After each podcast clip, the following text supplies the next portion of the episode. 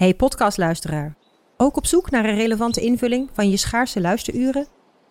Tune dan in op de podcastserie ESG, even samengevat van BNP Paribas. Wij, Marloes en Aldert, spreken daar duurzame voorlopers en wereldverbeteraars. Waarover dan?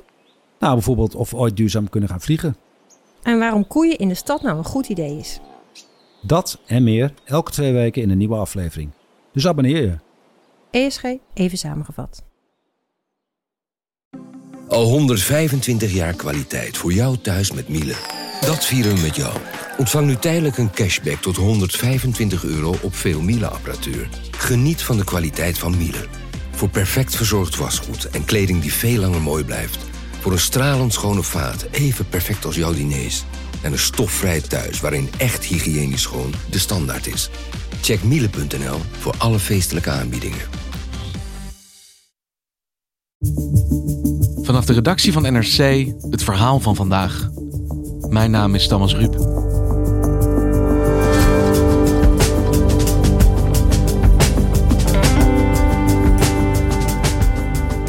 In de jaren 50 kwamen de eerste zwarte voetballers uit Suriname naar Nederland. Ze werden geroemd om hun spel, maar kregen tegelijk te maken met ernstige vormen van racisme. Ze spraken daar vaak niet over. Hoe was dat voor hen? En hoe kijken ze al die jaren later naar de racisme-discussie van nu?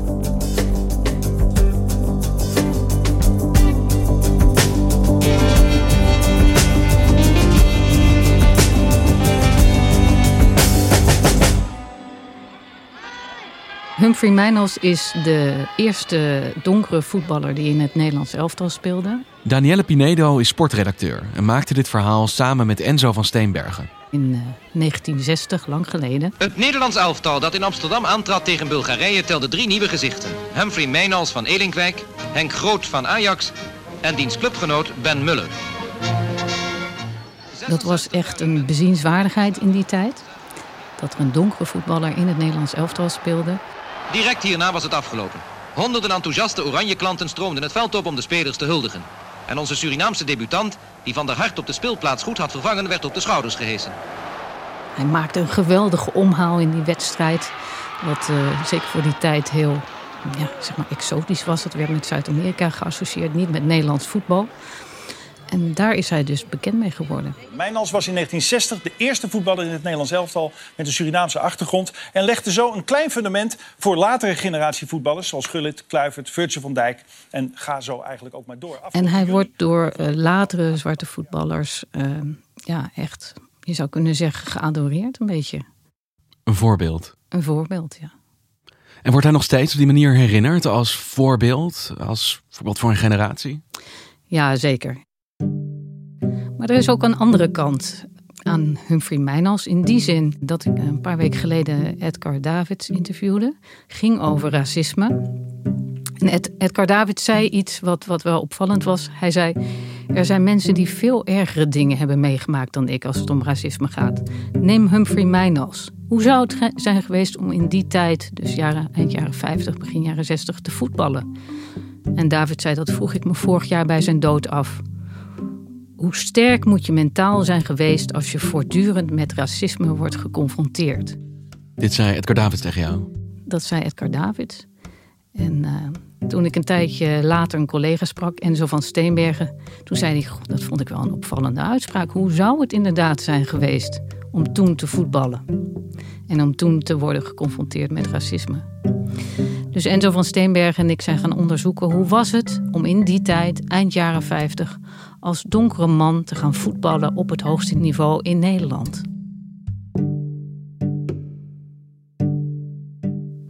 En als we dan terug de tijd in gaan, wie is die eerste generatie zwarte voetballers in Nederland? Ja, het zijn dus een aantal voetballers die kort na elkaar vanuit Suriname naar Nederland kwamen. Tussen 1956, 58 zeg maar. Dus dat was Humphrey, dat uh, was zijn broer Frank, dat was Michel Kruin, Charlie Marbach en Erwin Sparendam. En hoe kwamen zij hier te voetballen? Het is eigenlijk een beetje toeval geweest. Er was een dominee uh, die fan was van de club Elinkwijk. Dat is een Utrechtse volksclub. Die kwam een tijdje te werken in Suriname. Ging daar ook eens langs de voetbalvelden kijken. En uh, Ik vond het zeer opvallend hoe acrobatisch die voetballers daar waren. Hoe atletisch. En hij schreef een briefje naar zijn uh, favoriete club in Utrecht. En hij zei, nou, wat ik hier heb gezien... daarvan moeten jullie er echt een paar halen naar Nederland. Ze zijn gescout door een dominee. Ze zijn gescout door een dominee. En dat is vervolgens ook gebeurd. Ze zijn naar Nederland gekomen. Nou, het begon dus met Humphrey. Hè. Die vond de dominee zelf uh, de beste. Uh, dus die kwam als eerste in uh, 1956. En daar heeft hij ook over verteld in een interview uit 1980 met Jan Mulder. Het was koud, dus ik kwam hier koud tegemoet, ja.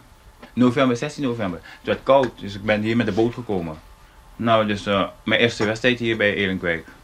Dus toen moest ik uh, gaan meemaken nog, ja. Het was eind van het jaar, hij had een ijsmuts op. Alles deed zeer en je handen waren helemaal verkrompen van de kou. Ik had geen tenen meer. Hij viel uh, ook 15 minuten geloof ik voor het eind van de wedstrijd uit. Dus na, na de rust weer op veld in. Had ik mijn ijsmus, handschoenen had ik aan. Terwijl hij daar op die brancard lag, hoorde hij iemand vanuit het publiek zeggen... Plak een zegen van 15 cent op zijn kont en stuur op terug. het was mijn debuut, maar ga je nagaan. Nou ja, ik heb... Dat hoorde dus vanaf het begin bij zijn voetbalcarrière hier in Nederland, dit soort opmerkingen. Dit soort opmerkingen kreeg hij wel uh, vaker, vertelde zijn uh, echtgenoten. Dat hij in een bus zat en dat een, uh, een vrouw aan hem vroeg van... heb je dan ook zwart bloed? Dat hij dus alleen maar antwoordde van... heb jij dan wit bloed? Ja, ja. ja. ja. Dus, kijk, ik weet dat hij dat wel eens verteld heeft. En ook dat hij ook een keer een, een, een, jongetje aan zijn oren gedraaid heeft. Die zei van... hé, hey, Zwarte Piet zit daar. Ja, ja. ja maar verder, nee. nee. Hij liet het inderdaad uh, al van zich, makkelijk van zich afglijden. Ja, ja, ja, ja. Hij, hij deed er zelfs een klein beetje lacherig over. Zo van, oh ja, die en die voetballer zei dat en dat. Ja, het was niet fijn, maar ja, ach, het hoorde erbij. Maar dan moet het woord discriminatie eigenlijk wel in de mond in de jaren 50, 60. Nee, dat, dat kende ik niet. Nee, dat, nee. dat woord bestond bijna niet, nee. zeg maar. Voor u. Nee, bestond bij, bij ons niet. Ik weet nog... Maar als iemand zegt, ga terug naar je land in de wedstrijd, vindt u dat dan erg of niet? Nee hoor, nee, dat want het ging bij mij hier en daar uit. Hij sprak er wel over in interviews. Niet heel uitgebreid, maar hij heeft een aantal keren wel eigenlijk steeds dezelfde incidenten um, uh, naar voren gebracht. Bijvoorbeeld dat Abel Lenstra, een bekende voetballer, uh, tegen hem zei... vieze vuile zwarte, ga terug naar je land. Abel heeft het ook gezegd tegen mij, Abel Lenstra. We speelden thuis, uh, Eerlijkwijk tegen Enschede was dat, ja. ja. Hij heeft het ook gezegd tegen mij. Ik zeg rotboer, klaar. ja, het is afgelopen. Ja. Maar het is niet iets waar hij graag over sprak, zo lijkt het. Dus als die vraag kwam, dan had hij zoiets oh nee, gaan we weer. Laat mij maar over die mooie omhaal praten. Uh, over dat op de schouders hijzen. Uh, zijn uh, echtgenote vertelde ook, hij vertelde iedereen bij de eerste handshake al van...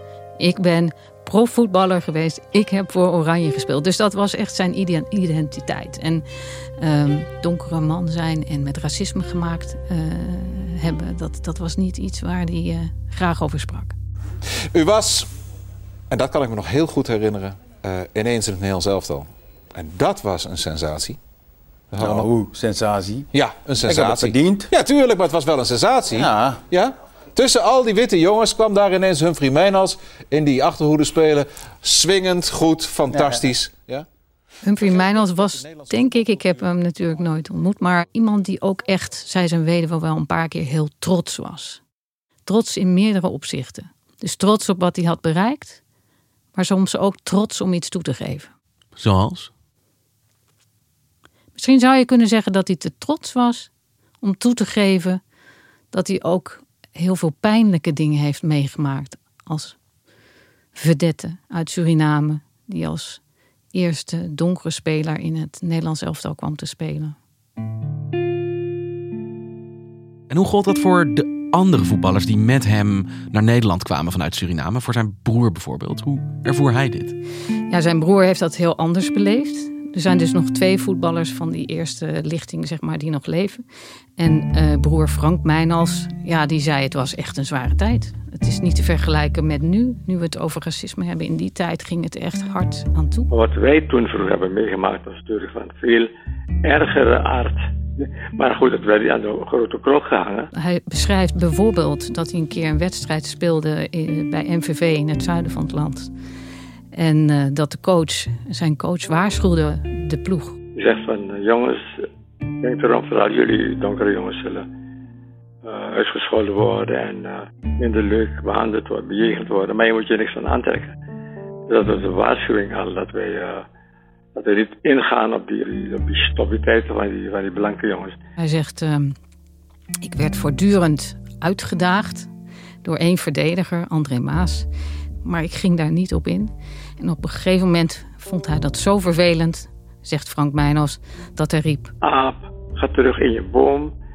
Weet je wel, en uh, vuile neger. Dat soort toestanden meer. Op een gegeven moment werd ik het zat. Ik zeg, jongen, je moet gewoon voetballen, jongen. Gewoon voetballen, verder niks. En hij zegt, nou, zelfs dat liet ik nog over mijn kant gaan. Ik liet me niet uitdagen, maar op een gegeven moment... toen uh, wilde ik positie innemen voor het doel. Een gegeven moment keerde ik om om positie te kiezen. Ja hoor. Toen ving meneertje me op, sloeg met mijn gezicht uit mijn maag.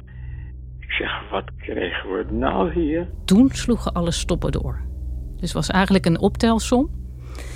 En toen heeft, uh, toen heeft Frank Meijnals teruggeslagen. En uh, liep het een beetje uit de hand daar op het veld. Niet lang daarna stormden de supporters van MVV, uh, die dicht, toen nog dicht op het veld zaten, die stormden het veld op en gingen achter die voetballers van Elinkwijk aan.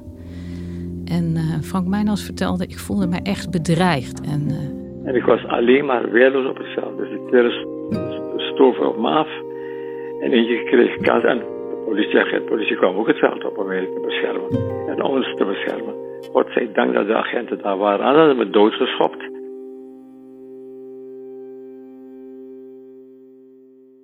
Waar komt dan het verschil vandaan? Dat zijn broer Humphrey eigenlijk overal zegt: Ach, weet je, die dingen gebeuren. Maar dat raakt me niet, maakt me niet uit. En hij nu toch wel zegt, en ook geëmotioneerd: uh, Dit is wel heel erg dat dit gebeurt.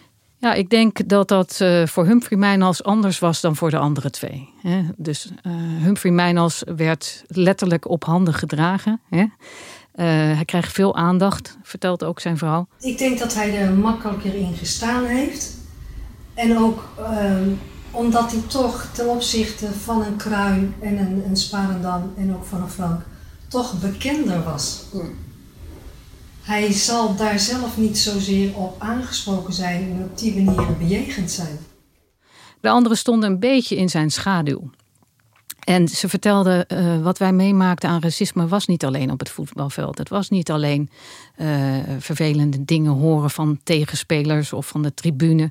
Maar het was ook gewoon het dagelijkse leven. En Michel Kruin, die bij de PTT werkte, die vertelde... ik was opzichter bij de PTT. Ik had uh, in Suriname al bij de Surinaamse PTT gewerkt, zeg maar. Dus ik kon gelijk hogerop. En dan loop je en dan ga je en dan belt je aan. En daar staan die mensen gewoon voor je neus... En dan kijken ze over je heen. En dan ging ik langs de huizen met een uh, blanke collega. Ik voorop, hij achter mij aan. Naar die man die achter me staat. Dan gaan ze die man, aan, die man vragen wat er moet gebeuren. Terwijl ik voor hun neus sta. Mensen deden alsof ik daar niet stond. En hij vond dat heel pijnlijk. Maar hij zei dat hoorde bij de werkelijkheid van toen. Zo was Nederland eigenlijk een beetje ingericht.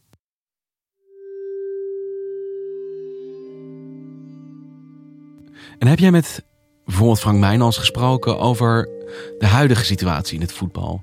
Het racisme wat daar nu voorkomt. De situatie van donkere spelers nu. Ja, het is wel heel interessant. Uh, best wel onverwacht vond ik dat. Want um, ik vroeg, heb je dat incident, de beelden daarvan gezien van uh, Mendes Moreira?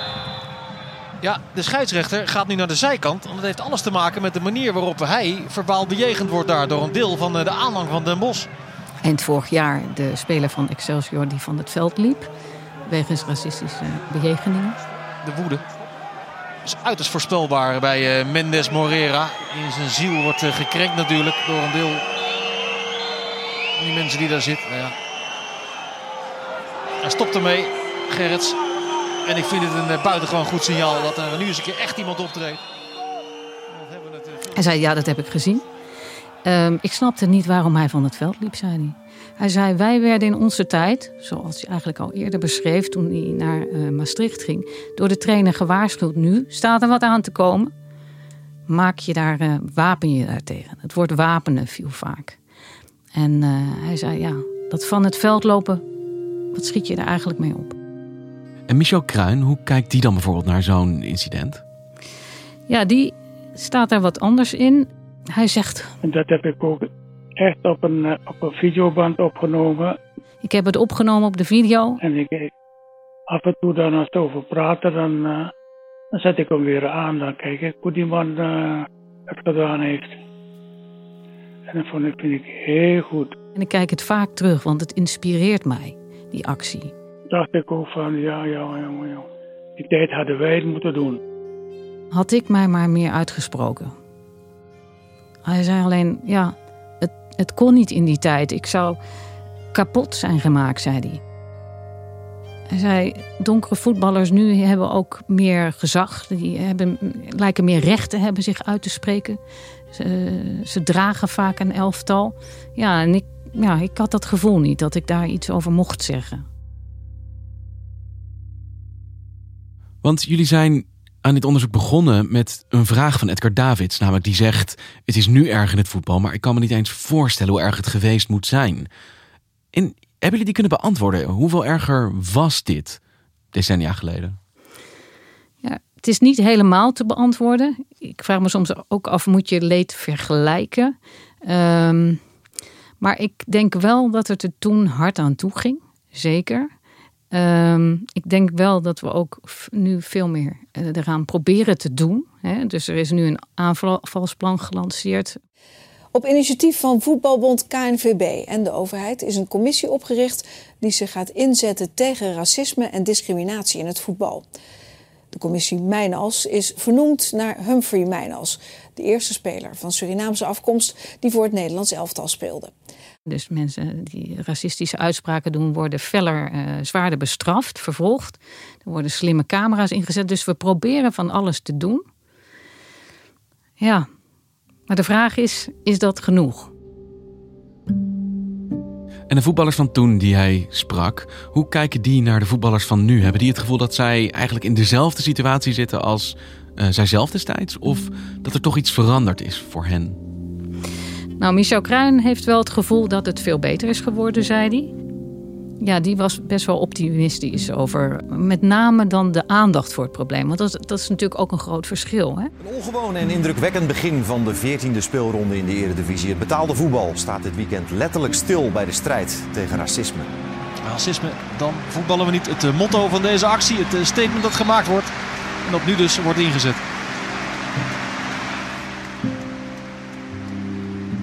Als er nauwelijks over geschreven wordt, als er weinig aandacht is, als het niet eens ja, als een probleem wordt gezien in jouw tijd. En je ziet nu hoe bijvoorbeeld eh, voetballers opkomen tegen een eh, programma, of er tegenin gaan meer eh, Veronica Inside, boycotten, meedoen aan demonstraties op de Dam en in Rotterdam.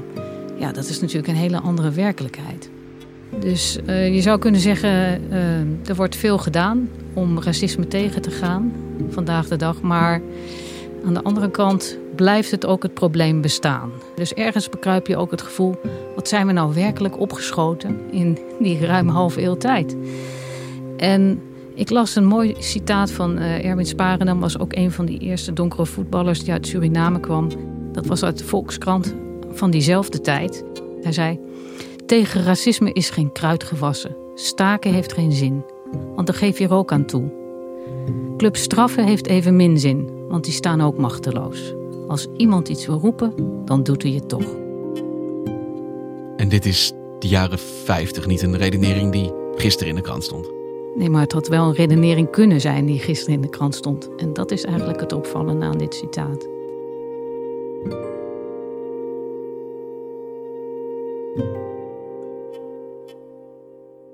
Dankjewel, Danielle. Geen dank. Je luisterde naar vandaag, een podcast van NRC. Eén verhaal, elke dag. Dit was vandaag, morgen weer.